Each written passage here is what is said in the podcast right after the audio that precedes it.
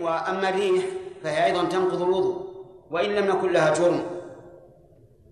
ودليل ذلك قول النبي صلى الله عليه وعلى آله وسلم في الذي يجد في بطنه شيئا فيشكل عليه أخرج منه شيء أو لا؟ قال لا ينصرف حتى يسمع صوتا أو يجد ريحا. فهذه الغائط والثاني البول والثالث الريح. فهل الذي يخرج من غير هذا المخرج ينقض الوضوء؟ يعني لو خرج من الإنسان دم أو خرج منه قيء هل ينتقض وضوءه؟ الجواب لا لا ينتقض وضوءه. ولو خرج منه شيء كثير.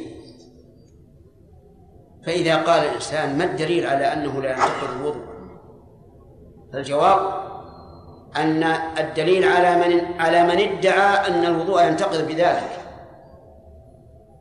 لأن الأصل بقاء الطهارة. فهذه طهارة ثبتت بمقتضى دليل شرعي فلا يمكن أن ترفع إلا بإيش؟ إلا بدليل شرعي. فلو خرج من الإنسان دم كثير أو خرج من فمه قيء أو من أنفه رعاة فهو على طهارة ولو كثر. الرابع من نواقض الوضوء النوم بشرط أن يكون الإنسان لو أحدث لأحس بنفسه لو أحدث لم يحس بنفسه. لو أحدث لم يحس بنفسه. يعني النوم العميق الذي لو أحدث وخرج منه ريح ما أحس. هذا ينقض الوضوء. أما النوم الذي الذي ليس بعميق يعني لو أحدث لأحس بنفسه فهذا لا ينقض الوضوء ولو طال ولو كان الإنسان مضطجعا أو ساجدا أو راكعا أو على أي حال كان.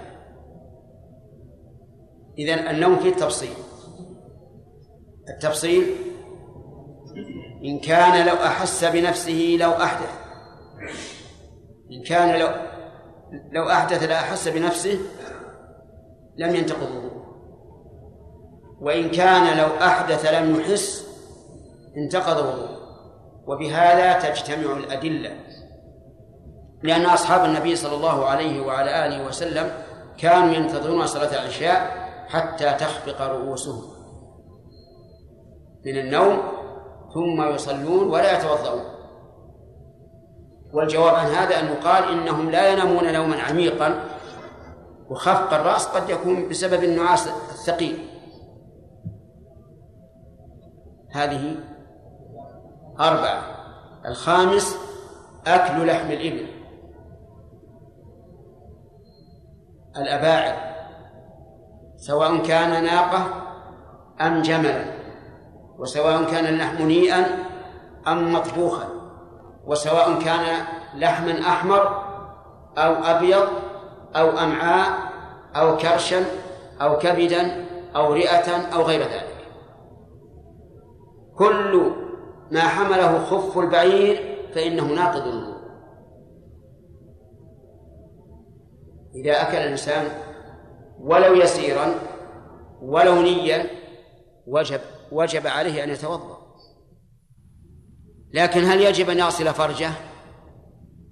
لا يجب لأن غسل الفرج من البول أو الغائط.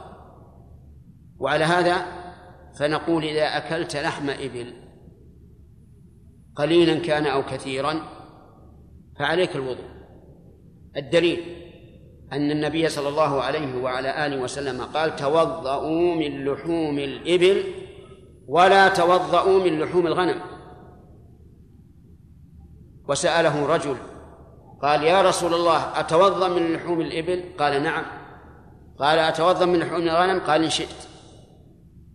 وجه الدلالة أنه لما جعل وضوءه من لحوم الغنم راجعا إلى المشيئة دل هذا على أن وضوءه من لحوم الإبل واجب ولا بد منه.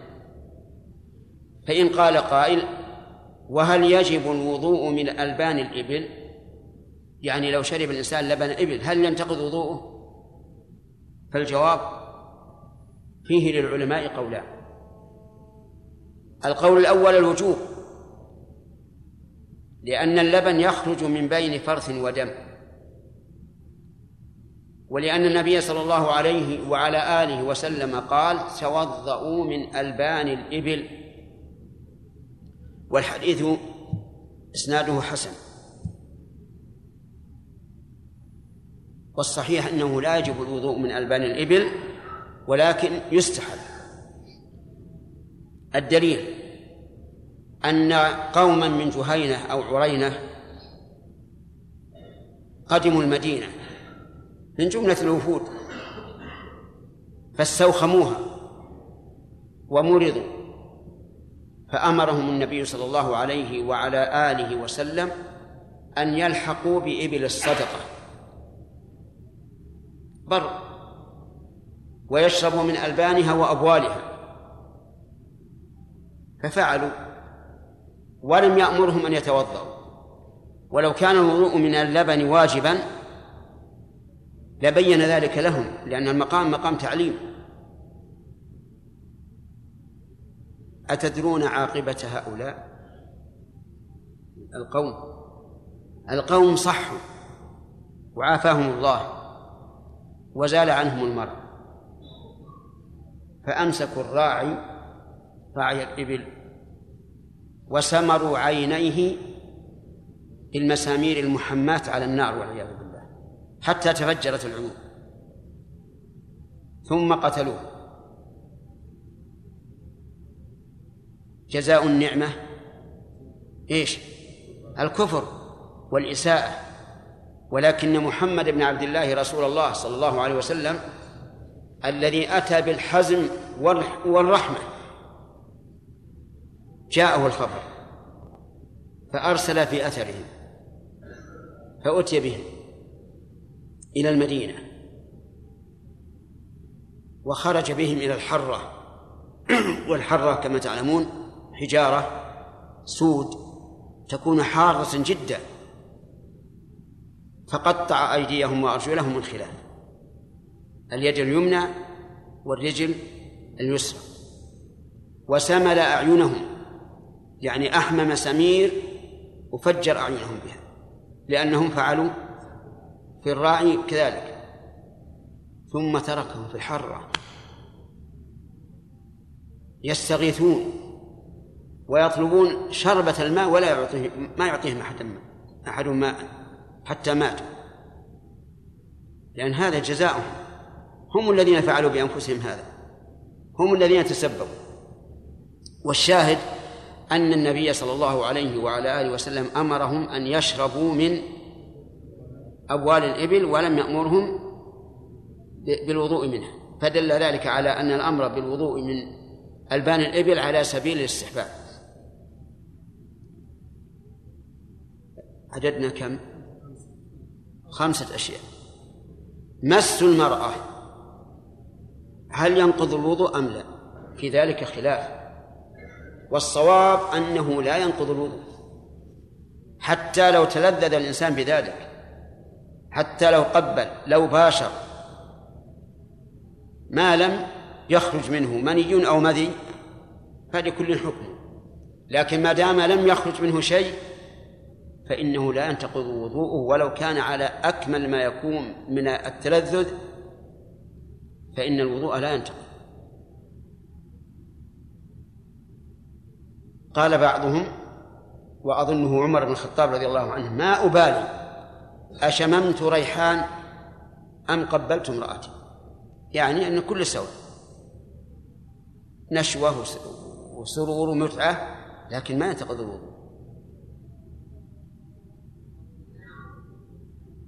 أفهمتم؟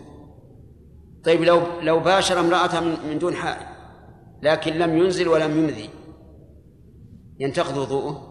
لا ما ينتقض. هو على وضوءه. ولعل قائلا يقول أليس الله يقول أو أو لامستم النساء؟ أو جاء أحد منكم من الغائط أو لامستم النساء؟ قلنا بلى والله قاله. قال أو لامستم وفي قراءة أو لمستم. لكن المراد باللمس هنا الجماع. لأن لأنه بذلك فسره أعلم أو من هو من أعلم الصحابة في تفسير القرآن وهو عبد الله بن عباس. قال إنه الجماع.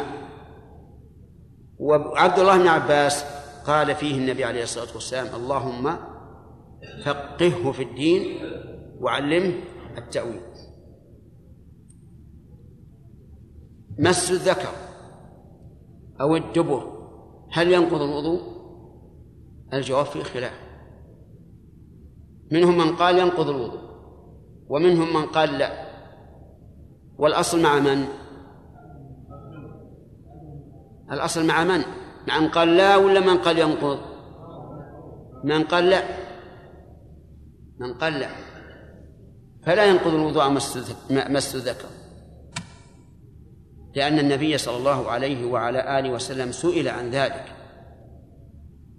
عن من مس ذكره أينت عليه الوضوء؟ قال لا. قال لا. وعلل. قال إنما هو بضعة منك. إيش معنى بضعة؟ يعني عضو من الأعضاء. فكما أن الإنسان لو مس أذنه ينتقض وضوءه لو مس فخذه لا ينتقض. لو مس رجله لا ينتقض. فهو بضعة. واعلم أيها الطالب أن النبي صلى الله عليه وعلى آله وسلم علل بعلة ما يمكن انتقاضها ما هي؟ إنما هو بضعة منك. هذه ما يمكن انتقاضها لأنه هو على كل حال بضعة منك. فلا ينتقض مس الذكر. فلا ينتقض الوضوء بمس الذكر. لكن في حديث بصرة بنت صفوان أن النبي صلى الله عليه وعلى آله وسلم قال من مس ذكره فليتوضأ. فماذا ماذا نصنع؟ نقول الحمد لله. إما أن يحمل حديث بسرة على الاستحباب لأن مس الذكر مظنة تحرك الشهوة وربما يخرج من الإنسان شيء ولا سيما إن كان مذاء وهو لا يشعر أو يحمل حديث بسرة على من مسه بشهوة لأنك إذا مسسته بشهوة حصل الفرق بينه وبين سائر الأعضاء. فإن سائر الأعضاء ما يمكن يمس الإنسان لشهوة لكن الذكر يمكن مسه لشهوة. فنقول إن مسسته لشهوة وجب عليك الوضوء بناء عليه. على حديث بسرة وإن مسسته بغير شهوة فليس عليك وضوء بناء على حديث طلق ابن علي. وهذا أقرب ما يكون. لأن التعليل بأنه بضعة يعني أنه مسه لغير شهوة. إذ أن الإنسان ما يمس شيئا من جسده لشهوة أبدا إلا الذكر. هذا هو القول في نواقض الوضوء. والعلماء اختلفوا في هذا كله إلا ما خرج من السبيلين. فقد اتفقوا على أن الخارج المعتاد كالبول والغائط والريح ناقض. وما عدا الخارج المعتاد في خلاف أيضا. حتى الخارج من السبيلين لم يجمعوا إلا على ما, ما البول والغائط والريح لأن هذا هو المعتاد. وأما النادر فقالوا لا ينقض الوضوء لكن القول هذا ضعيف. وإن كان قال به الظاهرية رحمهم الله لكنه ضعيف. وأن ج... والذي نرى أن جميع ما يخرج من السبيلين ناقض الوضوء إلا إذا كان مستمرا دائما. فهذا محل نظر. بعض العلماء يقول يجب أن يتوضأ لكل وقت الصلاة في الحدث الدائم كالسلس ورطوبة فرج المرأة وما أشبه ذلك. بعضهم يقول لا ما يجب عليه الوضوء. وش يتوضأ من إيش؟ الخارج هذا مستمر. لو توضأ لم ينتفع. إلا أن ينتقض وضوءه بناقض معتاد غير هذا كبول أو غائط أو أكل لحم إبل أو نوم عميق وما أشبه ذلك. والمسألة محل نظر عندي وتحقيق في المسألة. إذا كان الإنسان على وضوء وشك هل أحدث أو لا. يلزمه الوضوء؟ لا يلزمه. وهذا هذا يقع كثيرا. يكون الإنسان مثلا متوضئ لصلاة المغرب فتأتي صلاة العشاء ويقول ها ما أدري أنقضت الوضوء أم لا. فنقول لا وضوء عليك. لكن إن شئت أن تتوضأ من باب تجديد الوضوء لأنك صليت بالوضوء الأول فهذا حسن ويكون فيه احتياط. ولو كنت على غير وضوء على غير وضوء فجاء وقت الصلاة وشككت هل توضأت أو لا. هل يلزمك الوضوء؟ فهم السؤال؟ إنسان متأكد أنه نقض الوضوء بعد صلاة المغرب. فلما جاء وقت العشاء الآخرة شك هل توضأ أم لا. يلزمه الوضوء أو لا؟ أو لا يلزمه؟ يلزمه لأن الأصل أنه على حدثه حتى يتيقن أنه توضأ. والله موفق. بسم الله الرحمن الرحيم. الحمد لله رب العالمين والصلاة والسلام على نبينا محمد وعلى آله وصحبه أجمعين. قال المصنف رحمه الله تعالى في سياق الأحاديث في باب الغسل وعن أم سلمة رضي الله عنها قالت قالت أم سليم يا رسول الله. ما ما شرحنا. ما أول الباب. عن أبي هريرة رضي الله الفصل الأول. عن أبي هريرة رضي الله عنه قال قال رسول الله صلى الله عليه وسلم إذا جلس أحدكم بين شعبها الأربع ثم جهدها فقد وجب الغسل وإن لم ينزل متفق عليه. وعن أبي سعيد رضي الله عنه قال قال رسول الله صلى الله عليه وسلم إنما الماء من الماء. رواه مسلم. قال الشيخ الإمام محي السنة رحمه الله هذا منسوخ.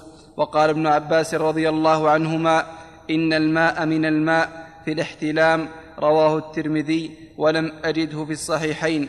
وعن أم سلمة رضي الله عنها قالت قالت أم سليم يا رسول الله إن الله لا يستحي من الحق. فهل على المرأة من غسل إذا هي احتلمت؟ قال نعم إذا رأت الماء. فغطت أم, أم سلمة وجهها وقالت يا رسول الله أو تحتلم المرأة؟ قال نعم تربت يمينك فبما يشبهها ولدها متفق عليه. وزاد مسلم برواية أم سليم إن ماء الرجل غليظ أبيض وماء المرأة رقيق أصفر. فمن, أيه فمن أيهما على أو سبق يكون منه الشبه؟ وعن عائشة رضي الله عنها قالت كان رسول الله صلى الله عليه وسلم إذا اغتسل من الجنابة بدأ فغسل يديه ثم يتوضأ كما يتوضأ للصلاة ثم يدخل أصابعه في الماء فيخلل بهما أصول شعره ثم يصب على رأسه ثلاث غرفات بيديه ثم يفيض الماء على جلده كله متفق عليه. وفي رواية لمسلم يبدأ فيغسل يديه قبل أن يدخله أن يدخلهما الإناء ثم يفرغ بيمينه على شماله فيغسل فرجه ثم يتوضأ. بسم الله الرحمن الرحيم. قال المؤلف رحمه الله تعالى باب الغسل. يعني باب الأشياء التي توجب الغسل يعني تطهير البدن كله. وهي أمور. الأمر الأول الجماع. فمتى جامع الرجل زوجته وجب عليه الغسل وعليها أيضا. سواء أنزل أم لم ينزل. لقول النبي صلى الله عليه وعلى آله وسلم إذا جلس بين شعبها الأربع يعني اليدين والرجلين ثم جهدها أي جامعها فقد وجب الغسل. متفق عليه. وفي رواية مسلم وإن لم ينزل وقول المؤلف رحمه الله متفق عليه بعد أن قال ولم ينزل وإن لم ينزل وهم لأن هذه زيادة لمسلم وليست في الصحيحين. المهم أنها زيادة صحيحة أن الإنسان متى جامع زوجته وجب عليه وعليها الغسل سواء أنزل أم لم ينزل وسواء أنزلت أم لم تنزل. هذه المسألة تخفى على كثير من الشباب الذين يتزوجون فإنهم ربما يبقون مدة لا يغتسلون إذا جامعوا بدون إنزال. ولذلك يجب على طلاب العلم أن ينشروا هذا بين الناس ويبينوا أن الإنسان متى جامع زوجته وجب عليه وعليها أن أن تغتسل حصل الإنسان الإنزال أم لم يحصل؟ وأما ما دون الجماع كالتقبيل والضم والجماع بين الفخذين فهذا لا يوجب الغسل. الموجب الثاني من موجبات الغسل الإنزال. إنزال المني بشهوة سواء يقظة أو مناما. لقول النبي صلى الله عليه وعلى آله وسلم إنما إنما الماء من الماء. الماء يعني ماء يعني ماء الغسل. من الماء يعني المني. فإذا حصل الإنزال يقظة أو مناما بتفكير أو ضم أو تقبيل أو ما أشبه ذلك وجب الغسل. هذان موجبان. الأول الجماع والثاني إنزال المني. إذا كان يقظة فالأمر واضح لكن إذا كان مناما فإنه إذا استيقظ ورأى أثر المني وجب عليه أن يغتسل سواء ذكر احتلاما أم لم يذكر. وإن ذكر احتلاما ولم يجد أثر الجنابة فلا غسل عليه. حتى لو رأى في المنام أنه يجامع زوجته جماعا حقيقيا وهو في الرؤيا ولم يرى أثر الجنابة فلا غسل عليه. دليل هذا حديث أم سلمة أن أم سليم سألت النبي صلى الله عليه وسلم عن المرأة ترى في في منامها ما يرى الرجل. هل تغتسل؟ قال نعم إذا رأت الماء. فغطت أم سلمة رضي الله عنها وجهها خجلا. وقالت يا رسول الله أو تحترم المرأة؟ قال نعم. فمن أين يكون الشبه؟ لأن الولد يشبه أباه وأمه. وذلك لأنه يختلط ماء الرجل وماء المرأة فيكون الشبه. أحيانا يغلب ماء الرجل فيكون الشبه للرجل وأحيانا يغلب ماء المرأة فيكون الشبه للمرأة. والله على كل شيء قدير. السبب الثالث من موجبات الغسل الحيض. فإن المرأة إذا حاضت وجب عليها أن تغتسل إذا طهرت. السبب الرابع النفاس. يعني أن المرأة إذا نفست أتت بولد تام أو بسقط تبين فيه خلق إنسان فإن عليها أن تغتسل إذا طهرت. أما السقط الذي لم يتبين فيه خلق إنسان مثل مضغة بدون تخطيط يعني بدون تخليق فإنه ليس فيها نفاس.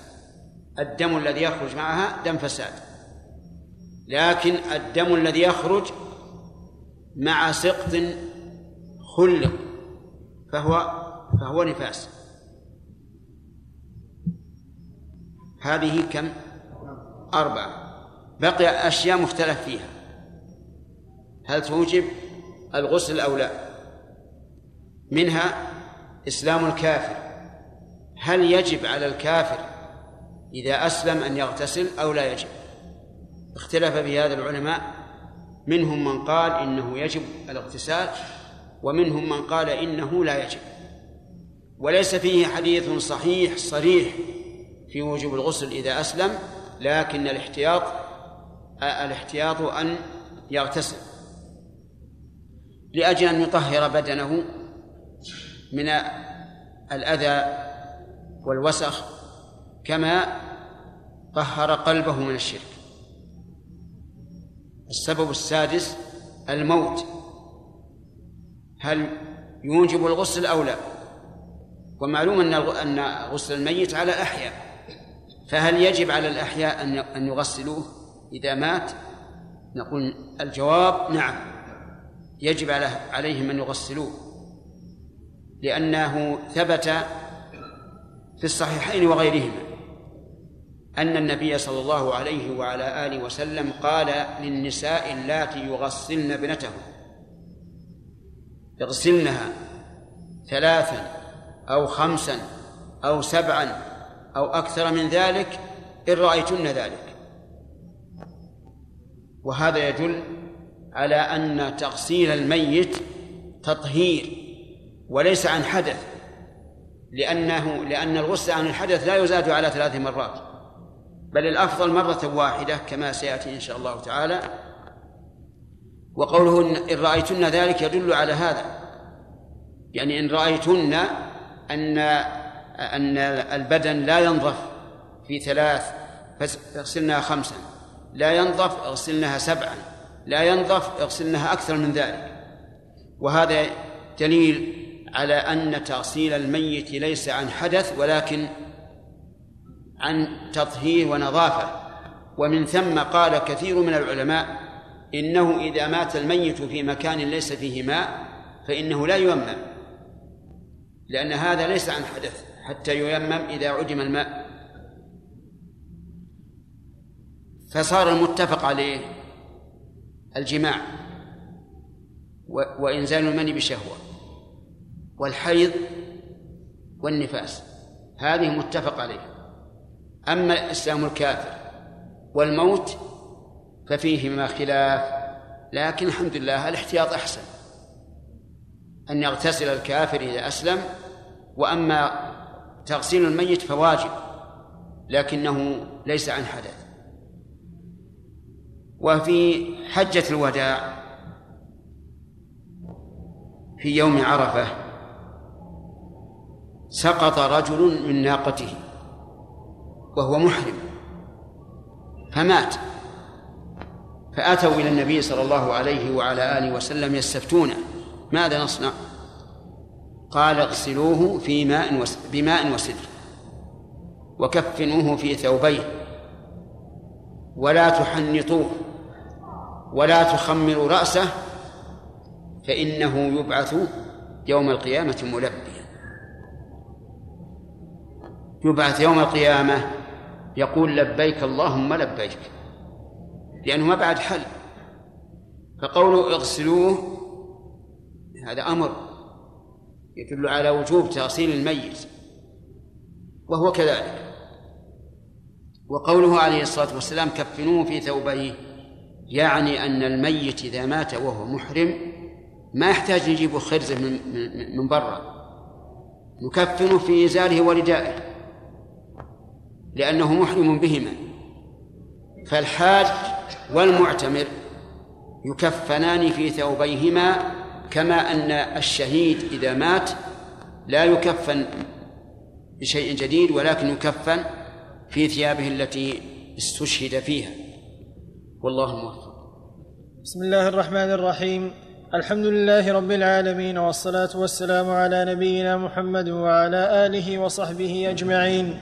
نقل المؤلف رحمه الله تعالى عن عائشة رضي الله عنها قالت كان رسول الله صلى الله عليه وسلم إذا اغتسل من الجنابة بدأ فغسل يديه ثم يتوضأ كما يتوضأ للصلاة ثم يدخل أصابعه في الماء فيخلل بها أصول شعره ثم يصب على رأسه ثلاث غرفات بيديه ثم يفيض الماء على جلده كله متفق عليه. وفي رواية لمسلم يبدأ فيغسل يديه قبل أن يدخلهما الإناء ثم يفرغ بيمينه على شماله فيغسل فرجه ثم يتوضأ. وعن ابن عباس رضي الله عنهما قال قالت ميمونة وضعت للنبي صلى الله عليه وسلم غسلا فسترته بثوب وصب وضعت للنبي صلى الله عليه وسلم غسلا فسترته بثوب وص... فسترته بثوب وصب على يديه فغسلهما ثم صب على يديه فغسلهما ثم صب بيمينه على شماله فغسل فرجه فضرب بيده الأرض فمسحها ثم غسلها فمضمض واستنشق وغسل وجهه وذراعيه ثم صب على رأسه وأفاض على جسده ثم تنحى فغسل قدميه فناولته ثوبا فلم ياخذه فانطلق وهو ينفض يديه متفق عليه ولفظه للبخاري. وعن عائشة رضي الله عنها قالت إن امرأة من الأنصار سألت النبي صلى الله عليه وسلم عن غسلها من المحيض فأمرها, فأمرها كيف تغتسل ثم قال خذي فرصة من مسك فتطهري بها. قالت كيف أتطهر بها؟ فقال تطهري بها. قالت كيف أتطهر بها؟ قال سبحان الله تطهري بها. فاجتبذتها إلي فقلت لها تتبعي بها أثر الدم. متفق تتبعي بها. أثر الدم. متفق عليه. وعن أم سلمة رضي الله عنها قالت قلت يا رسول الله إني امرأة أشد ظفر رأسي أفأنقضه لغسل الجنابة؟ فقال لا. إنما يكفيك أن تحثي على رأسك ثلاث حثيات ثم تفيضين عليك الماء فتطهرين. رواه مسلم. وعن أنس رضي الله عنه قال كان النبي صلى الله عليه وسلم يتوضأ بالمد ويغتسل بالصاع إلى خمسة أمداد. متفق عليه. وعن معاذة رضي الله عنها قالت قالت عائشة كنت, كنت أغتسل أنا ورسول الله صلى الله عليه وسلم من إناء واحد بيني وبينه فيبادرني حتى أقول دع لي دع لي. قالت وهما جنبان متفق وهما جنوبان متفق عليه. خلاص.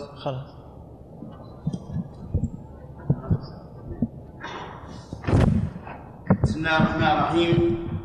هذه أحاديث في صفة الغسل من الجنابة. واعلم أن الغسل من الجنابة نوعان. أحدهما أقل مجزئ والثاني أكمل اغتسال. أما أقل مجزئ فأن يعم الإنسان بدنه كله بالماء مع المضمضة والاستنشاق. فلو نوى الإنسان غسل الجنابة و... و... و... ونزل في بركة وانغمس ثم خرج ارتفعت الجنابة. ولكن لا بد أن يتمضمض ويستنشق. وارتفاع الجنابة يعني ارتفاع الحدث الأصغر والأكبر. ما يحتاج إلى وضوء لأنه اغتسل كما أمر الله. قال الله تعالى وإن كنتم جنبا فاطهروا ولم يذكروا وضوءا. فدل هذا على أن الجنب لو غسل جميع بدنه مرة واحدة كفاه عن الجنابة والوضوء. أما الأكمل فكما جاء في الأحاديث حديث عائشة وميمونة أولا أن يغسل كفيه ثلاث مرات ثم يغسل فرجه وينظفه ثم يتوضأ كما يتوضأ للصلاة. يغسل الكفين ثلاثا ويتمضمض ويستنشق ويغسل وجهه ويمسح رأسه وأذنيه ويغسل رجليه. ثم يفيض الماء على رأسه ثلاث مرات حتى يرويه. ثم يغسل سائر جسده. يغسل سائر جسده. هذا هو الأكمل. والذي ينبغي للإنسان أن يفعل ما هو أكمل وأفضل لأنه أشد اتباعا للرسول صلى الله عليه وعلى آله وسلم وأكثر أجرا وأكمل طهارة. وليس هناك فرق كبير لا في, في استهلاك الماء ولا في الوقت. واعلم أن الجنوب يحرم عليه قراءة القرآن حتى الأوراد لا يجوز أن يقرأها حتى اغتسل. قال علي بن أبي طالب رضي الله عنه كان النبي صلى الله عليه وعلى آله وسلم يقرئنا القرآن ما لم نكن أو قال ما لم يكن جنبا. فالجنب لا يقرأ القرآن لكن له أن يقرأ ما يوافق القرآن بدون قصد. مثل لو قال بسم الله الرحمن الرحيم أو أصيب بمصيبة وهو جنب قال إنا لله وإنا إليه راجعون. هذا لا يضر لأنه لم يقصد القراءة. وأما إذا قصد القراءة فإنه يحرم أن يقرأ آية فأكثر. كذلك أيضا الجنوب.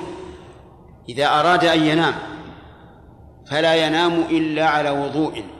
إن اغتسل فهو أفضل وإلا كفاه الوضوء. وإذا أراد أن يعود مرة ثانية للجماع فالأفضل أن أن يغتسل وإلا يتوضأ.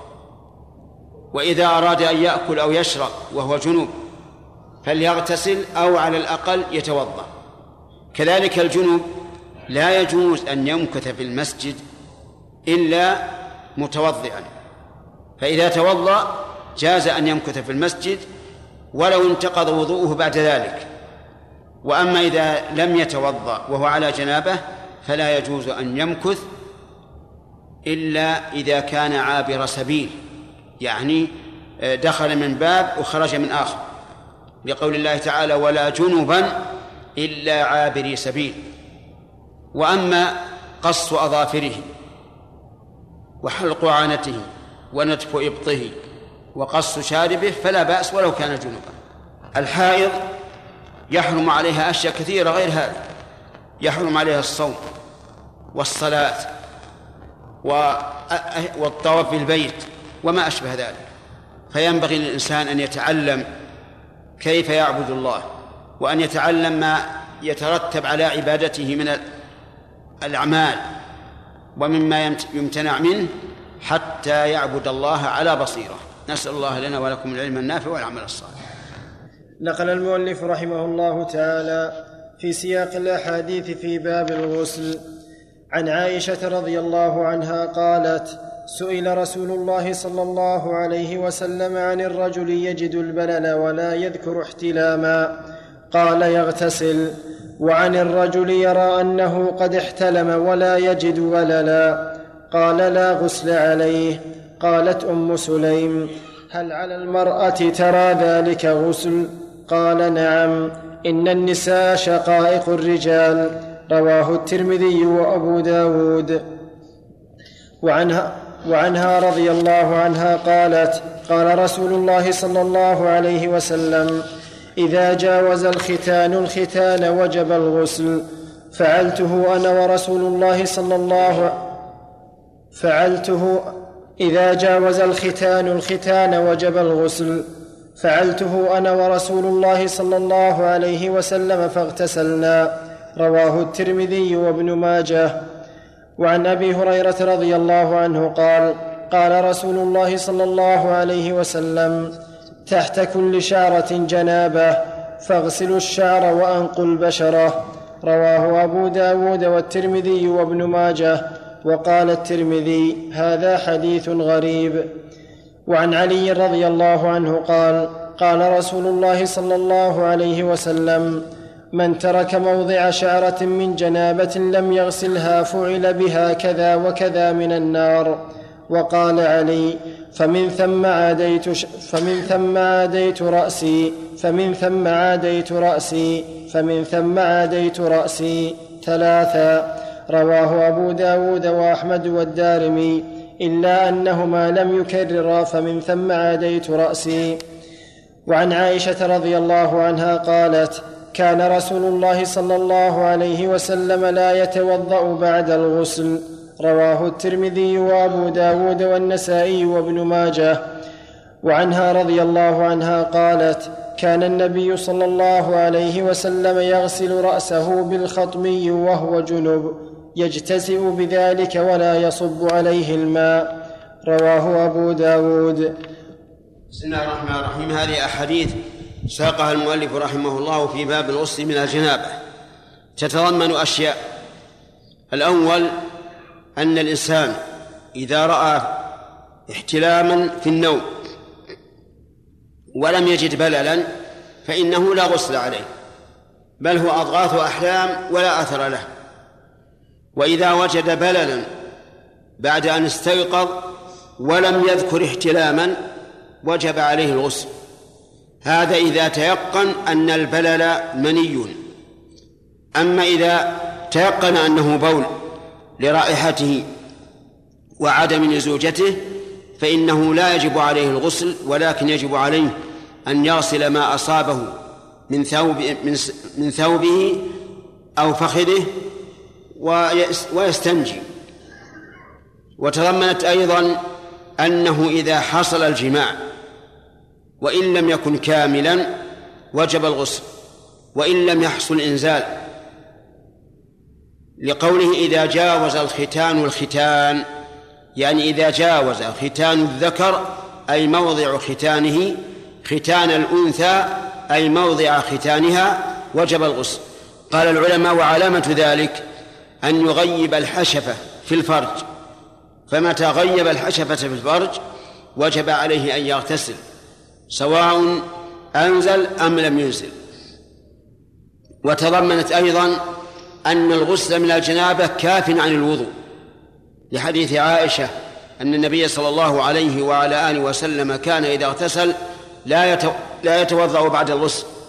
وعلى هذا فإذا كان على الإنسان جنابة وغسل جميع بدنه مع المضمضة والاستنشاق فإنه لا يحتاج إلى وضوء. لكن الأفضل كما سبق أن يتوضأ أولا ثم يغتسل.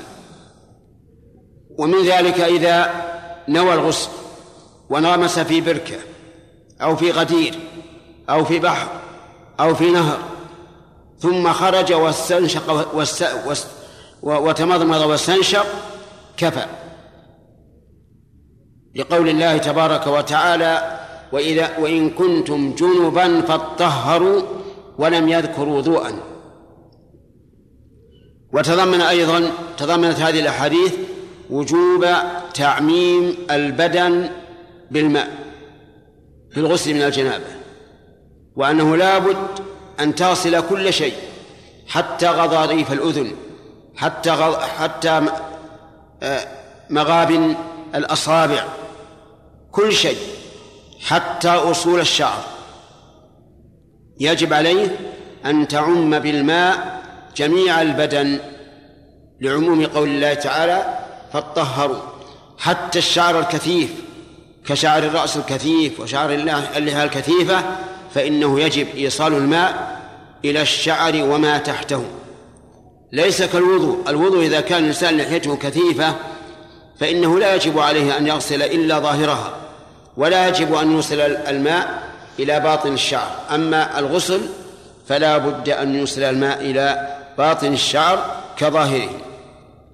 والله الموفق.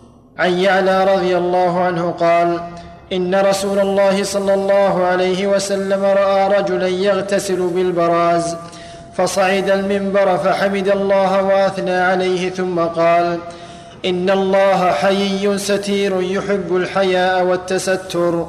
فإذا اغتسل أحدكم فليستتر. رواه أبو داود والنسائي وفي روايته قال إن الله ستير. فإذا أراد أحدكم أن يغتسل فليتوار بشيء. وعن أبي بن كعب رضي الله عنه قال إنما كان الماء من الماء رخصة في أول الإسلام ثم نهي عنها. رواه الترمذي وأبو داود والدارمي.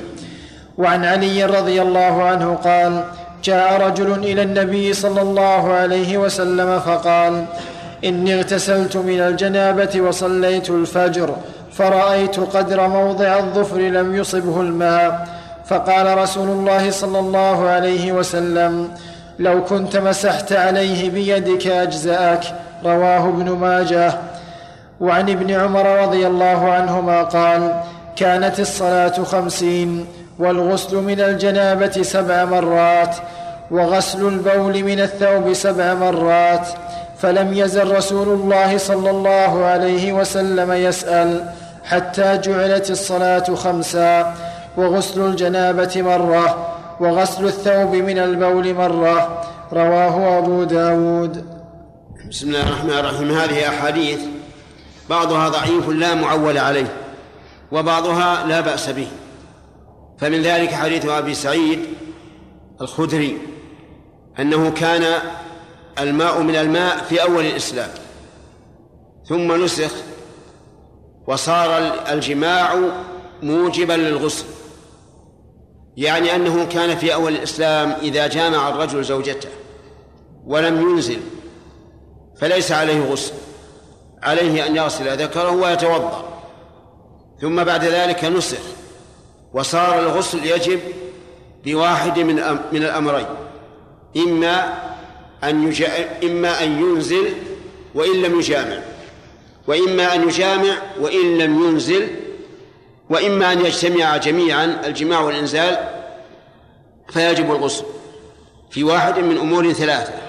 الجماع وحده والإنزال وحده والإنزال والجماع. وأما أحاديث الاستتار عن أعين الناس إذا اغتسل فهذا واجب. يعني يجب على الإنسان إذا أراد أن يغتسل أن يستتر عن الناس إما بجدار أو بسيارة أو بحجر كبير أو بشجرة كبيرة أو ببعد بعيد. المهم أن أنه لا يجوز أن يغتسل أمام الناس وعورته بادية.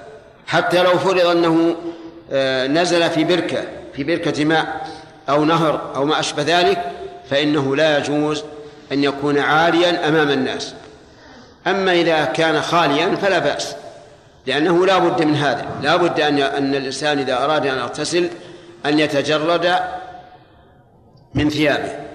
وأما الأحاديث الباقية أن الصلاة كانت خمسين والغسل من الجنابة كان سبعا فهذا ضعيف لا لا يعول عليه. فالصلاة كانت خمسين وفرضت على النبي صلى الله عليه وعلى آله وسلم وهو في السماء قبل أن ينزل إلى الأرض خففت إلى خمس صلوات والحمد لله لكنها خمس بالفعل وخمسون في الميزان. والله الموفق. قال رحمه الله تعالى باب مخالطة الجنوب وما يباح له. عن أبي هريرة رضي الله عنه قال لقيني رسول الله صلى الله عليه وسلم وأنا جنوب فأخذ بيد وأنا جنوب فأخذ بيدي فمشيت معه حتى قعد فانسللت فأتيت الرحل فاغتسلت ثم جئت وهو قاعد فقال أين كنت يا ابا هر فقلت له فقال سبحان الله إن المؤمن لا ينجس هذا لفظ البخاري ولمسلم معناه وزاد بعد قوله فقلت له لقد لقيتني وأنا جنوب فكرهت أن أجالسك حتى أغتسل. وكذا البخاري في رواية أخرى. وعن ابن عمر رضي الله عنهما قال ذكر عمر بن الخطاب لرسول الله صلى الله عليه وسلم أنه تصيبه الجنابة من الليل فقال له رسول الله صلى الله عليه وسلم توضأ واغسل ذكرك ثم نم متفق عليه.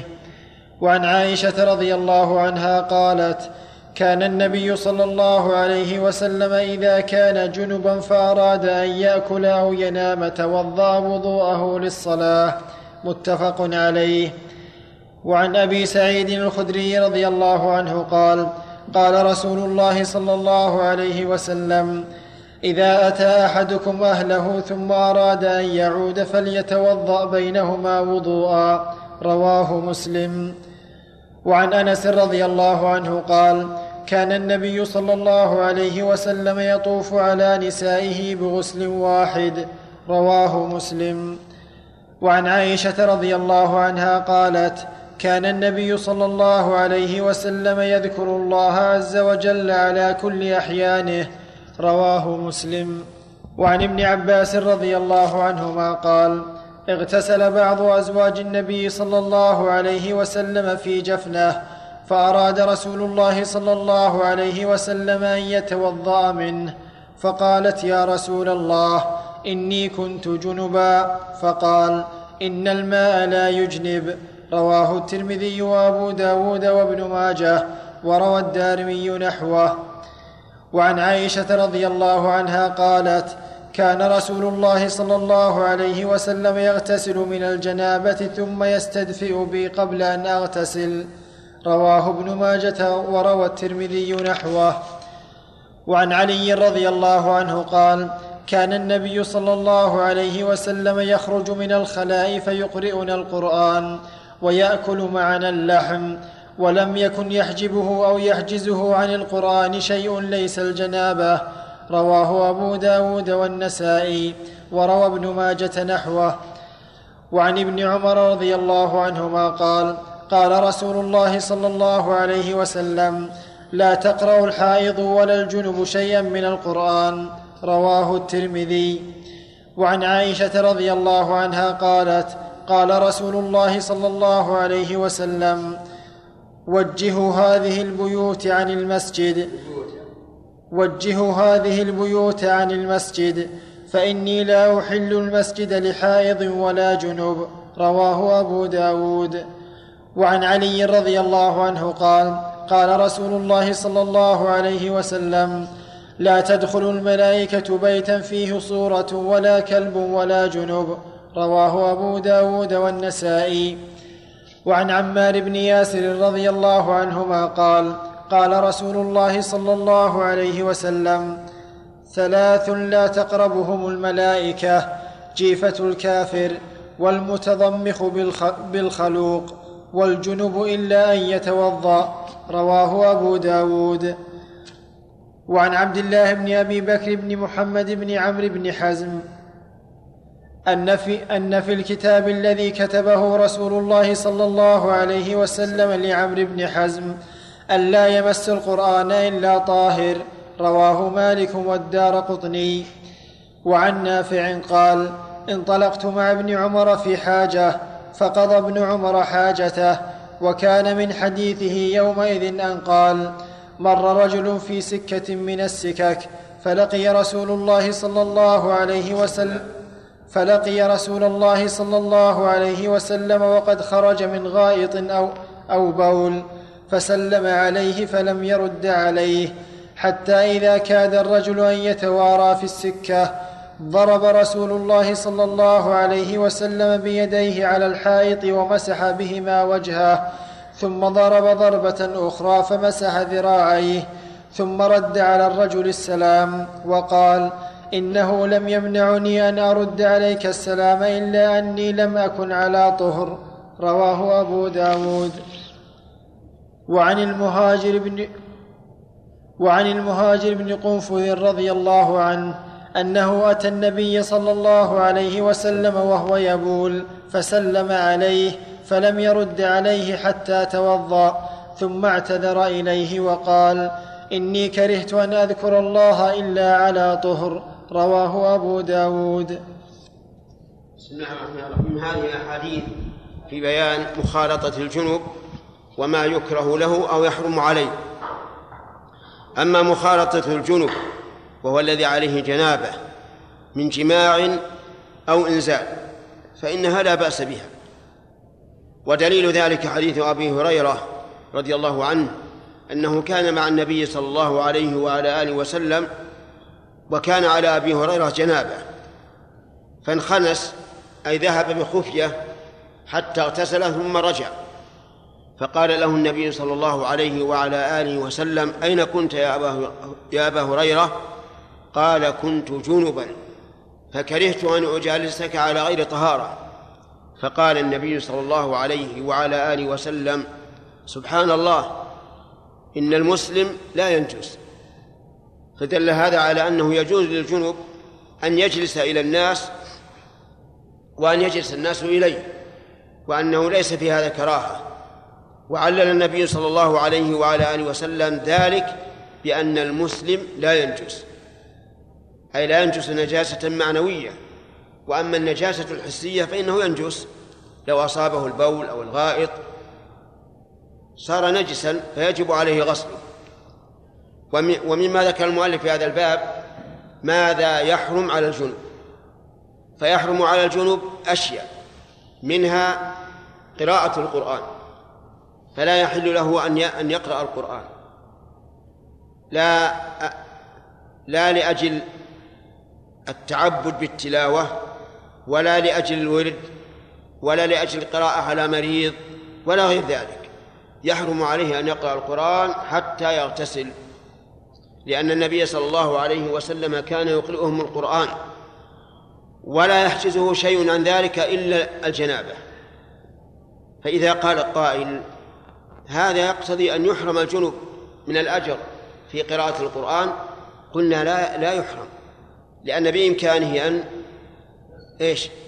أن يغتسل وينتهي الموضوع وأما الحائض فليس فيها حديث صحيح صريح عن النبي صلى الله عليه وعلى آله وسلم أن أن القرآن يحرم عليها. وقد اختلف العلماء في ذلك. فمنهم من قال إنه لا يجوز لها أن تقرأ القرآن مطلقا. ومنهم من قال إنه يجوز أن تقرأ القرآن مطلقا. والراجح أنها لا تقرأ القرآن للتعبد به. وأما إذا كان لحاجة مثل أن تخشى أن تنساه. أو للورد أو للقراءة على مريض أو للتعلم أو للتعليم فلا بأس. والفرق بين الحائض وبين الجنوب ظاهر لأن الحائض لا يمكنها أن ترفع عنها حدث الحيض حتى تطهر بخلاف الجنوب. ومما يحرم على الجنوب أنه لا يجوز أن يمكث في المسجد إلا بوضوء. أما المرور في المسجد فلا بأس به لقول الله تعالى ولا جنبا إلا عابري سبيل. وأما أن يمكث فإن ذلك حرام حتى يتوضأ. فإذا توضأ جاز له أن يمكث في المسجد حتى لو أحدث بعد وضوءه لأن هذا الوضوء رفع من الجنابة بقدره فسهلت الجنابة. ومنها أنه لا يمس القرآن. وهذا عام في الجنب وفي المحدث حدث أصغر لقول النبي صلى الله عليه وسلم فيما كتبه لأمر بن حزم ألا يمس القرآن إلا طاهر أي طاهر من الحدث الأكبر والأصغر. فإذا قال قائل إذا كان الرجل لا يحسن أن يقرأ عن ظهر قلب نقول الأمر سهل. ماذا يصنع؟ يغتسل. يغتسل ويمس القرآن. ما في ما في منع. وإذا كان محتاجا ولم يجد ماء يتوضأ به فإنه يجعل بينه وبين القرآن حاجز من منديل أو طرف الغترة أو ما أشبه ذلك ويمس المصحف. وأما القراءة فلا تجوز للجنب إلا إذا اغتسل. ومنها النوم فلا ينبغي للجنب أن ينام حتى يغتسل أو يتوضأ والاغتسال أفضل وإن اقتصر على الوضوء فلا بأس لحديث عمر بن الخطاب رضي الله عنه أنه سأل النبي صلى الله عليه وسلم عن الرجل تكون عليه جنابة أينام فقال إذا توضأ فليرقد ومنها أنه ينبغي للجنوب أن لا يأكل ويشرب حتى يتوضأ أو يغتسل. ومنها أنه لا ينبغي أن يعود إلى امرأته مرة أخرى حتى يغتسل أو يتوضأ. وإن عاد فلا بأس لأن النبي صلى الله عليه وسلم كان يطوف على نسائه بغسل واحد. هذه من الأمور التي ذكرها المؤلف رحمه الله في هذا الكتاب والله الموفق. نقل المؤلف رحمه الله تعالى عن أم سلمة رضي الله عنها قالت كان رسول الله صلى الله عليه وسلم يجنب ثم ينام ثم ينتبه ثم ينام. رواه أحمد. وعن شعبة قال إن ابن عباس رضي الله عنه كان إذا اغتسل من الجنابة يفرغ بيده اليمنى على يده اليسرى سبع مرار ثم يغسل فرجه فنسي, فنسي مرة كم أفرغ فسألني فقلت لا أدري فقال لا أم لك وما يمنعك أن تدري. ثم يتوضأ وضوءه للصلاة ثم يفيض على جلده الماء ثم يقول هكذا كان رسول الله صلى الله عليه وسلم يتطهر. رواه أبو داود. وعن أبي رافع رضي الله عنه قال إن رسول الله صلى الله عليه وسلم طاف ذات يوم على نسائه يغتسل عند هذه وعند هذه. قال فقلت له يا رسول الله ألا تجعله غسلا واحدا آخرا؟ قال هذا أزكى وأطيب وأطهر. رواه أحمد وأبو داود. وعن الحكم بن عمرو رضي الله عنه قال نهى رسول الله صلى الله عليه وسلم أن يتوضأ الرجل بفضل طهور المرأة. رواه أبو داود وابن ماجة والترمذي وزاد أو قال بسؤرها وقال هذا حديث حسن صحيح. وعن حميد الحميري قال لقيت رجلا صحب النبي صلى الله عليه وسلم أربع سنين كما صحبه أبو هريرة. قال نهى رسول الله صلى الله عليه وسلم أن تغتسل المرأة بفضل الرجل أو يغتسل الرجل بفضل المرأة وليغترفا جميعا. رواه أبو داود والنسائي.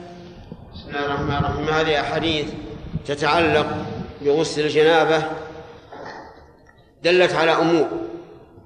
الأمر الأول أن النبي صلى الله عليه وعلى آله وسلم كان تصيبه الجنابة فينام من غير وضوء. وهذا الذي حصل من النبي صلى الله عليه وعلى آله وسلم يحتمل أن الماء قليل فلا يتوضأ. ويحتمل أمورا كثيرة لكن الحديث المحكم الذي ليس به احتمال أن النبي صلى الله عليه وعلى آله وسلم سأله عمر أيرقد أحدنا وهو جنب؟ قال نعم إذا توضأ فليرقد. وعليه فالعمدة على هذا. ولذلك قال العلماء يكره للإنسان أن ينام على جنابه بل إما أن يغتسل وهو أفضل أو يتوضأ وبه تحصل الكفاية. لكن إذا كان هناك عذر كقلة الماء أو صعوبة الوضوء لبرد أو نحوه فلا بأس أن ينام من دون أن ينام وهو جنب من غير أن يتوضأ.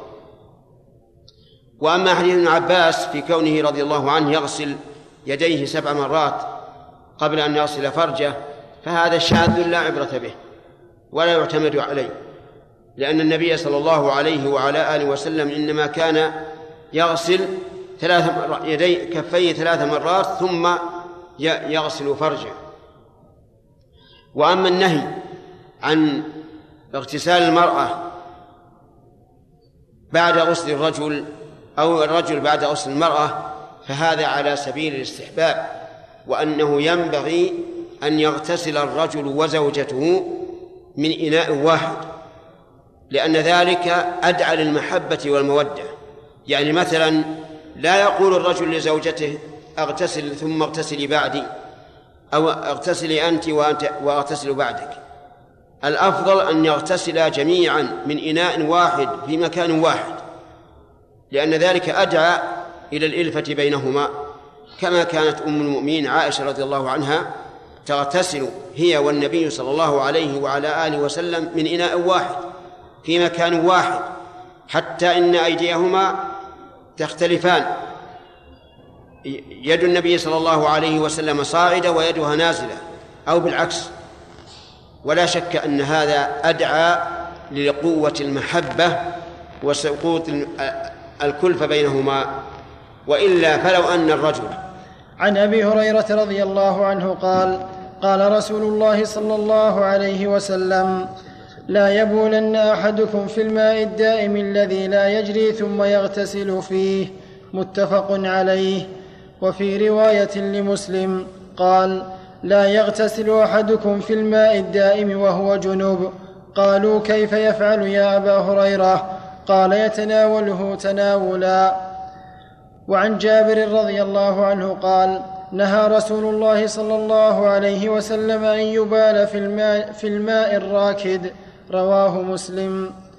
وعن السائب بن يزيد رضي الله عنه قال ذهبت بي خالتي إلى النبي صلى الله عليه وسلم فقالت يا رسول الله إن ابن أختي وجع فمسح رأسي ودعا لي بالبركة ثم توضأ فشربت من وضوئه ثم قمت خلف ظهره فنظرت إلى خاتم النبوة بين كتفيه مثل زر الحجلة. متفق عليه. وعن ابن عمر رضي الله عنهما قال سئل رسول الله صلى الله عليه وسلم عن الماء يكون في الفلاة من الأرض وما ينوبه من الدواب والسباع فقال إذا كان الماء قلتين لم يحمل الخبث. رواه أحمد وأبو داود والترمذي والنسائي والدارمي وابن ماجه وفي أخرى لأبي داود فإنه لا ينجس. وعن أبي سعيد الخدري قال قيل يا رسول الله أنا توضأ من بئر بضاعة وهي بئر يلقى فيها الحيض ولحوم الكلاب والنتن فقال رسول الله صلى الله عليه وسلم إن الماء طهور لا ينجسه شيء. رواه أحمد والترمذي وأبو داود والنسائي. وعن أبي هريرة رضي الله عنه قال سأل رجل رسول الله صلى الله عليه وسلم فقال يا رسول الله إنا نركب البحر ونحمل معنا القليل من الماء فإن توضأنا به عطشنا أفنتوضأ بماء البحر؟ فقال رسول الله صلى الله عليه وسلم هو الطهور ماؤه. والحل ميتته. رواه مالك والترمذي والنسائي وابن ماجه والدارمي. وعن أبي زيد عن عبد الله بن مسعود رضي الله عنه أن النبي صلى الله عليه وسلم قال له ليلة الجن ما في إداوتك قال قلت نبيذ. قال تمر تمرة طيبة وماء طهور. رواه أبو داود وزاد أحمد والترمذي فتوضأ منه وقال الترمذي أبو زيد مجهول. وصح عن علقمة عن عبد الله بن مسعود رضي الله عنه قال لم أكن ليلة الجن مع رسول الله صلى الله عليه وسلم رواه مسلم.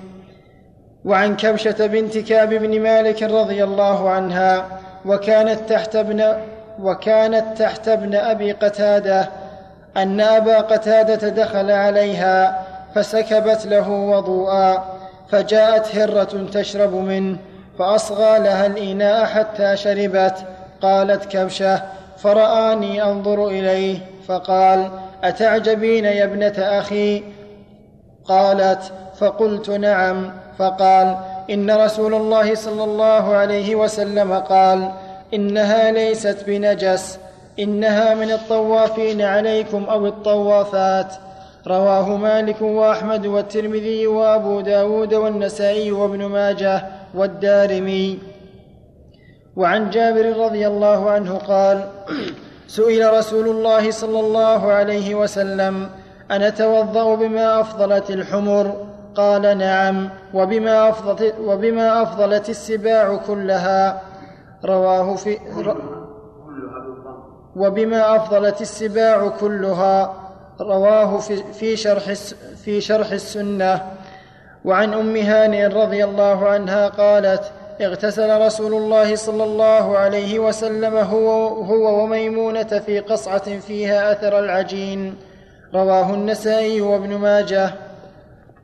بسم الله الرحمن الرحيم. قال المؤلف رحمه الله تعالى باب أحكام المياه. المياه جمع ماء. وهو معروف. وهو من أكبر النعم التي امتن الله بها على عباده. وهو جوهر سيال يعني أنه جسم سيال بإذن الله عز وجل. سهل القيادة. يسره الله تعالى وسخره. ولو شاء لجعله كالرصاص لا يذوب إلا بالنار. ولو شاء لجعله ألين من هذا فلا ينتفع الناس به. ولكن الله تعالى خلقه على هذا رحمة بالعباد. ثم إن الماء مادة الحياة. الماء مادة الحياة. لا يمكن أن يعيش الإنسان بدونه. كما قال الله تعالى أفرأيتم الماء الذي تشربون؟ أأنتم أنزلتموه من المزن أم نحن المنزلون الجواب بل أنت يا ربنا. أنت الذي خلقته في المزن وأنزلته إلى الأرض ولو شاء الله لحبسه ولو شاء لجعله أجاجا. كما قال هنا لو نشاء جعلناه أجاجا فلولا تشكرون. وقد يسأل المرء فإن المتبادر أن يقول الله عز وجل أأنتم أنزلتموه من المزن أم نحن المنزلون لو نشاء لم ننزل. لكنه قال لو نشاء لجعلناه أجاجا لو نشاء جعلناه أجاجا. وهو إذا كان أجاجا بين يديك ولكن لا تشرب لا تستطيع شربه من مرارته فإن هذا أشد عليك مما لو كان مفقودا. لأنك تنظر إليه نظر حسرة حيل بينك وبينه فكان نعمة الله علينا بإنزاله من المزن عذبا لذيذا من أكبر النعم. لو نشاء جعلناه أجاجا فلولا تشكرون. اللهم إنا نسألك شكر نعمتك. فما هو الشكر؟ الشكر أن أن تعبد الله عز وجل وتعمل صالحا. دليل هذا قول الله تعالى قول النبي صلى الله عليه وعلى آله وسلم إن الله أمر المؤمنين بما أمر به المرسلين. فقال تعالى يا أيها الرسل كلوا من الطيبات واعملوا صالحا. وقال للمؤمنين كلوا من طيبات ما رزقناكم واشكروا لله. فدل هذا على أن الشكر هو العمل الصالح. من لم يعمل صالحا فإنه لم يشكر الله عز وجل. هذا الماء لا ينبغي الإسراف فيه. لا ينبغي الإسراف فيه ولو كان الإنسان على نهر جاري لأنه كلما استهلك نقص ونضب وربما لا يوجد في الأرض لكن الله عز وجل رؤوه بالعباد. إذا نضب في الأرض جاء من السماء والحمد لله. أنزله الله تعالى من المزن. وهي السحاب السحاب العظيم الثقيل. المياه الأصل فيها أنها طاهرة مباحة. طاهرة مباحة كل ماء نزل من السماء أو نبع من الأرض لا تسأل عنه. لا تقول هل هو طاهر أو نجس لأن الأصل الطهارة. قال الله تعالى وأنزلنا من السماء ماء طهورا. وقال تعالى فسلكه ينابيع في الأرض يستخرجه الناس متى شاءوا. فالأصل في المياه إذن الطهارة وإيش؟ والحل. يعني اشرب منها؟ توضأ منها. طهر ثوبك منها. ولا تسأل. وهي أي المياه قسمان فقط. لا ثالث لهما. القسم الأول طهور. وهذا هو الأصل. الثاني نجس وهو الذي تغير بالنجاسة. فهذا نجس. يجب التحرز منه سواء تغير طعمه أو لونه أو ريحه. فما تغير بالنجاسة طعما أو لونا أو ريحا فهو نجس وما سوى ذلك فهو طهور. وليس هناك قسم يسمى طاهرا بل هذا محدث. هذا القول بأن المياه ثلاثة أقسام طهور وطاهر ونجس قول محدث. لا دليل عليه. لا من كتاب الله ولا من سنة رسول الله صلى الله عليه وعلى آله وسلم. فهو قول مطروح وعلى هذا لو تغير الماء بشيء طاهر مثل أن يسقط فيه خشبة وتؤثر في لونه أو طعمه أو ريحه فهو إيش؟ طهور فهو طهور. توضأ منه واشرب منه إذا لم يكن فيه ضرر. ولو تغير بأوراق أوراق شجر. أسقطتها الريح فيه فإنه طهور. ولو تغير بحبر فإنه طهور. مهما كان إلا إذا خرج بهذا التغير عن اسمه الأصلي وهو الماء. وعلى هذا فالمرق لا ليس بطهور. هو طاهر لكنه ليس بطهور يعني ليس يطهر. فلو كان عند الإنسان قدر من المرق وأراد أن يتوضأ به أو يغتسل به لم يصح. فإن تغير مع بقاء الاسم كالنبيذ مثلا. والنبيذ هو ماء يوضع فيه تمر حتى يظهر فيه طعم التمر. فهل يجوز فهل هو طهور؟ يجوز أن يتوضأ به الإنسان ويغتسل أو لا؟ فيه خلاف بين أهل العلم ولكن الصحيح أنه ما دام اسمه باقيا وهو الماء فإنه طهور. القهوة طهور ولا طاهرة؟ طاهرة. وليست طهورا يعني معناها أنها ما تطهر. يعني لو أراد يتوضأ الإنسان بالقهوة ما ينفع. أو بالشاهي مثلا ما ينفع لأنه خرج عن كونه ماء. طيب لكن لو أزال بها النجاسة إنسان مثلا أصاب ثوبه دم وغسله بالقهوة أو بالشاي يصلح أو لا يصلح؟ يصلح لأن إزالة النجاسة لا يشترط فيها الماء. متى زالت النجاسة طهر المكان؟ سواء نزلتها بالبنزين أو بالغاز أو بالقهوة أو بأي مزيل آخر. النجاسة ما هي وضوء ولا هي غسل. النجاسة عين خبيثة متى زالت طهر المحل. حتى لو فرض وقعت نجاسة على مراية. تعرفون المراية؟ حقة العين ولا نعم. التي ينظر إليها الإنسان تعكس صورته. لو لو أصابها نجاسة ثم حكها الإنسان حتى زالت بالكلية فإنها تطهر. لماذا؟ لأن النجاسة عين خبيثة. متى فقدت طهر المحل؟ والخلاصة الآن في هذا الدرس أن الماء النازل من السماء والنابع من الأرض الأصل فيه الحل والطهارة وأن الماء لا ينقسم إلا إلى قسمين طهور ونجس. فما تغير بالنجاسة فهو نجس وما وما سوى ذلك فهو طهور. إلا إذا خرج عن اسم الماء إلى اسم آخر فإنه لا يطهر لكنه طاهر. والله موفق. بسم الله الرحمن الرحيم. الحمد لله رب العالمين والصلاة والسلام على نبينا محمد وعلى آله وصحبه أجمعين. قال رحمه الله تعالى باب تطهير النجاسات. عن أبي هريرة رضي الله عنه قال قال رسول الله صلى الله عليه وسلم إذا شرب الكلب في إناء أحدكم فليغسله سبع مرات. متفق عليه. وفي رواية لمسلم طهور إناء أحدكم إذا ولغ فيه الكلب أن يغسله سبع مرات أولاهن بالتراب.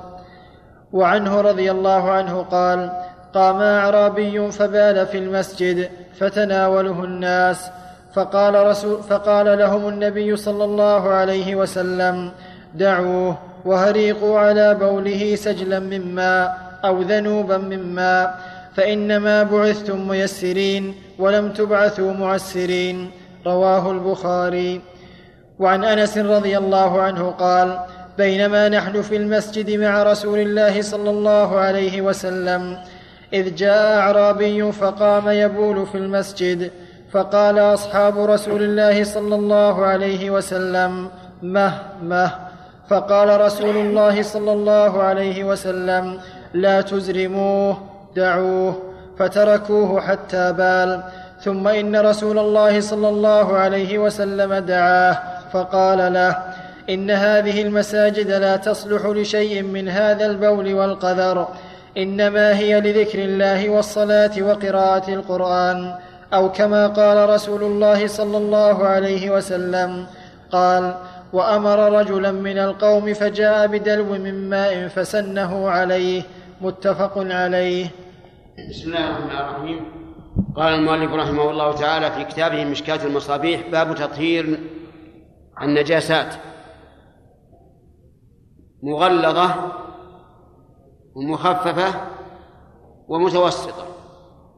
المغلظة نجاسة الكلب فهي أغلظ النجاسات. لا تطهر إلا بسبع غسلات إحداها بالتراب. والأولى أن تكون أن يكون التراب في الغسلة الأولى. حتى تأتي الغسلات الست بعدها فتكمل الطهارة. فإذا ولغ الكلب في الإناء يعني شرب منه فإنه يراق الماء يراق في الأرض ويوصل الإناء سبع مرات. الأولى بالتراب. ولا بد من هذا.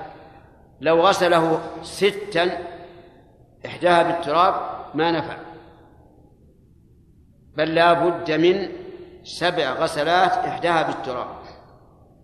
واختلف العلماء رحمهم الله في هذه المسألة في أمور. أولا هل يجزئ عن التراب غيره كالإشنان والصابون وأنواع المزيلات المستحدثة أو لا يجزئ؟ فقال بعضهم إنه لا يجزئ لأن النبي صلى الله عليه وعلى آله وسلم عين التراب ولأن التراب أحد الطهورين فإن من عدم الماء وهو على غير وضوء تيمم فأجزأ. ولا شك أن هذا القول أحوط متى وجد التراب. فليستعمل ولا يستعمل غيره ولو كان أشد منه إزالة. أما إذا عدم التراب فإنه يستعمل ما يقوم مقامه من الإشنان والصابون. أما المخففة فهي شيئان الأول, الأول بول الغلام الذكر الصغير الذي يتغذى باللبن فهذا يكفي فيه النضح. ومعنى النضح أن تصب الماء عليه صبا بدون أن تعصر أن تعصره أو تفركه صب عليه ويكفي. هذا بول الغلام يعني الذكر الذي يتغذى باللبن. هكذا جاءت السنة عن النبي صلى الله عليه وعلى آله وسلم. فإذا بال هذا الصبي على الثوب أو على البدن صب عليه ماء فقط. بدون أن تعصر بدون أن تعرفه أو أو تعصره. الثاني من المخففات المذي. المذي وهي رطوبة تخرج إثر الشهوة. والناس يختلفون في هذه المسألة. منهم الرجل المذاء أي كثير المذي. كلما ثارت شهوته أمذى. ومنهم من لا يعرف المذي إطلاقا. ومنهم المتوسط. هذا المذي يكفي فيه النضح كما جاءت به السنة لأن هذا المذي بين المني وبين البول. البول لا بد فيه من الغسل والمني طاهر والمذي بينهما لا بد فيه من النضح فإذا أمذى الإنسان وأصابت الرطوبة ثوبه أو فخذه صب عليه الماء فقط بدون عصر ولا دلك.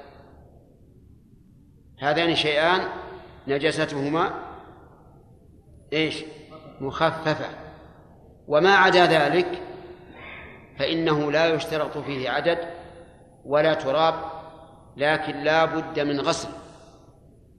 تفرك الثوب مثلا إذا أصابه البول وتعصره حتى يغلب على ظنك أنه طهر وإذا طهرت النجاسة بغير الماء فإنها تطهر. حتى لو فرض أن الإنسان سقط على مرآته التي ينظر فيها وجهه نجاسة ثم فركها حتى زال أثرها بالكلية فإنه لا حاجة إلى غسلها. لأن لأن الأمر كما قلت النجاسة عين خبيثة. متى زالت بأي مزيل فإنها تطهر إلا ما نص الشرع على عدد معين فيه كنجاسة الكلب. هذا التقسيم فيما إذا كانت النجاسة على غير الأرض. أما إذا كانت على الأرض فإن كان لها جرم فأزل الجرم. احشي مثلا. حشاية وأبعده كما لو تغوط عليها إنسان. فخذ الغائط وارمه بعيدا. ثم صب على مكانه المبتل ماء مرة واحدة ويكفي. وكذلك أيضا نجاسة الكلب على الأرض تكفي فيها غسلة واحدة. أزل عين النجاسة ثم صب عليها الماء. مرة واحدة. دليل هذا هذه القصة التي رواها أنس وأبو هريرة. جاء أعرابي والأعرابي هو ساكن البادية والغالب على الأعراب هو الجهل وعدم المعرفة عدم التمييز. وكان هذا الأعرابي كغيره من الأعراب إذا احتاج إلى البول جلس وبال ومشى. هذا الأعرابي دخل المسجد وأصابه البول. فتنحى ناحية في المسجد فجعل يبول. يبول في المسجد. مسجد النبي صلى الله عليه وعلى آله وسلم. وبحضرة النبي صلى الله عليه وعلى آله وسلم والصحابة الكرام. لكنه إيش؟ جاهل. أعرابي ما يدري. فصاح به الناس. مه مه. يعني اكفف فقال النبي صلى الله عليه وعلى آله وسلم لا تزرموه. قال العلماء يعني لا تقطعوا عليه بوله. دعوه يبول ويكمل. فتركوه حتى بال. وانتهى. فلما انتهى دعاه النبي صلى الله عليه وعلى آله وسلم وقال له إن هذه المساجد لا يصلح فيها شيء من الأذى والقدر. إنما هي لذكر الله والصلاة وقراءة القرآن. أو كما قال. انتهت مفسدة الجهل بالنسبة للأعراب. الآن الأعرابي عرف أن المساجد ليست محلا إيش؟ للبول ولا للقدر ولا غيره من الأذى. عرف. بقينا مفسدة البول. مفسدة البول أمر النبي صلى الله عليه وعلى آله وسلم أن يصب عليه ماء. سجل أو دل. فصبوا الماء عليه. انتهت المفسدة. وهذا دليل على أن النجاسة إذا كانت على الأرض يكفي فيها؟ نعم. أن يصب عليها الماء فقط. ولا حاجة أنك تدلكها برجلك ولا شيء. وفي قول النبي صلى الله عليه وعلى آله وسلم للصحابة إنما بعثتم ميسرين ولم تبعثوا معسرين دليل على أن هذا الدين الإسلامي أسأل الله أن يميتني وإياكم عليه. دليل على أنه دين اليسر والسهولة ليس دين الإعنات والمشقة والعسر. كل ما فيه فهو يسير. وأنه ينبغي للإنسان عند النهي عن المنكر أن لا يكون شديدا. أن لا يكون شديدا لأن الشدة والعنف لا تأتي بخير. فإن الله يعطي بالرفق ما لا يعطي على العنف. وهو سبحانه وتعالى رفيق يحب الرفق في الأمر كله. عليك بالرفق إن كنت تريد النجاح. أما اللجة والصجة والإفزاع هذه ما ما تفيد. ولهذا نهاهم النبي عليه الصلاة والسلام. قال اتركوه دعوه. فعليك بالتيسير. واعلم أن المنكر إذا نهيت عنه فإنه لا يخلو من أربع حالات. الحال الأولى أن يزول بالكلية. كإنسان رأيته يشرب الدخان سجارة فنهيته فانتهى. ألقى السجارة وانتهى. هذا واضح أن فيه خيرا. وإما أن يقل الشر ولكن لا يزول بالكلية. هذا أيضا انهى عن المنكر. لأن فيه فائدة. ما هي الفائدة يا أخ؟ فائدة. أنت جسد بلا روح. الفائدة؟ تقليل الشر. تقليل الشر. معلوم أن اثنين أهون من أربعة أليس كذلك؟ فإذا كان مثلا دعوك إلى وليمة عرس فيها منكر. وأنت تعرف أنك إذا ذهبت يخف المنكر إكراما لك. ولا يزول بالكلية لكن يخف. تذهب أو لا تذهب؟ أذهب لأجل يخف لتخفيف الشر. لا تنظر إلى نفسك انظر إلى الآخرين. أنك إذا ذهبت خف الشر عنه افعل. الحال الرابعة يعني الثالثة أن يتغير المنكر لكن إلى أنكر منه وأعظم منه وأفحش منه. فهنا لا تنهى عن المنكر. فإذا وجدت قوما على دخان وشيشة ولعب ورقة وما أشبه ذلك. لكن تعلم أنك لو لو نهيتهم عن هذا لذهبوا إلى محل الدعارة والسكر وما أشبه ذلك. ماذا تكون؟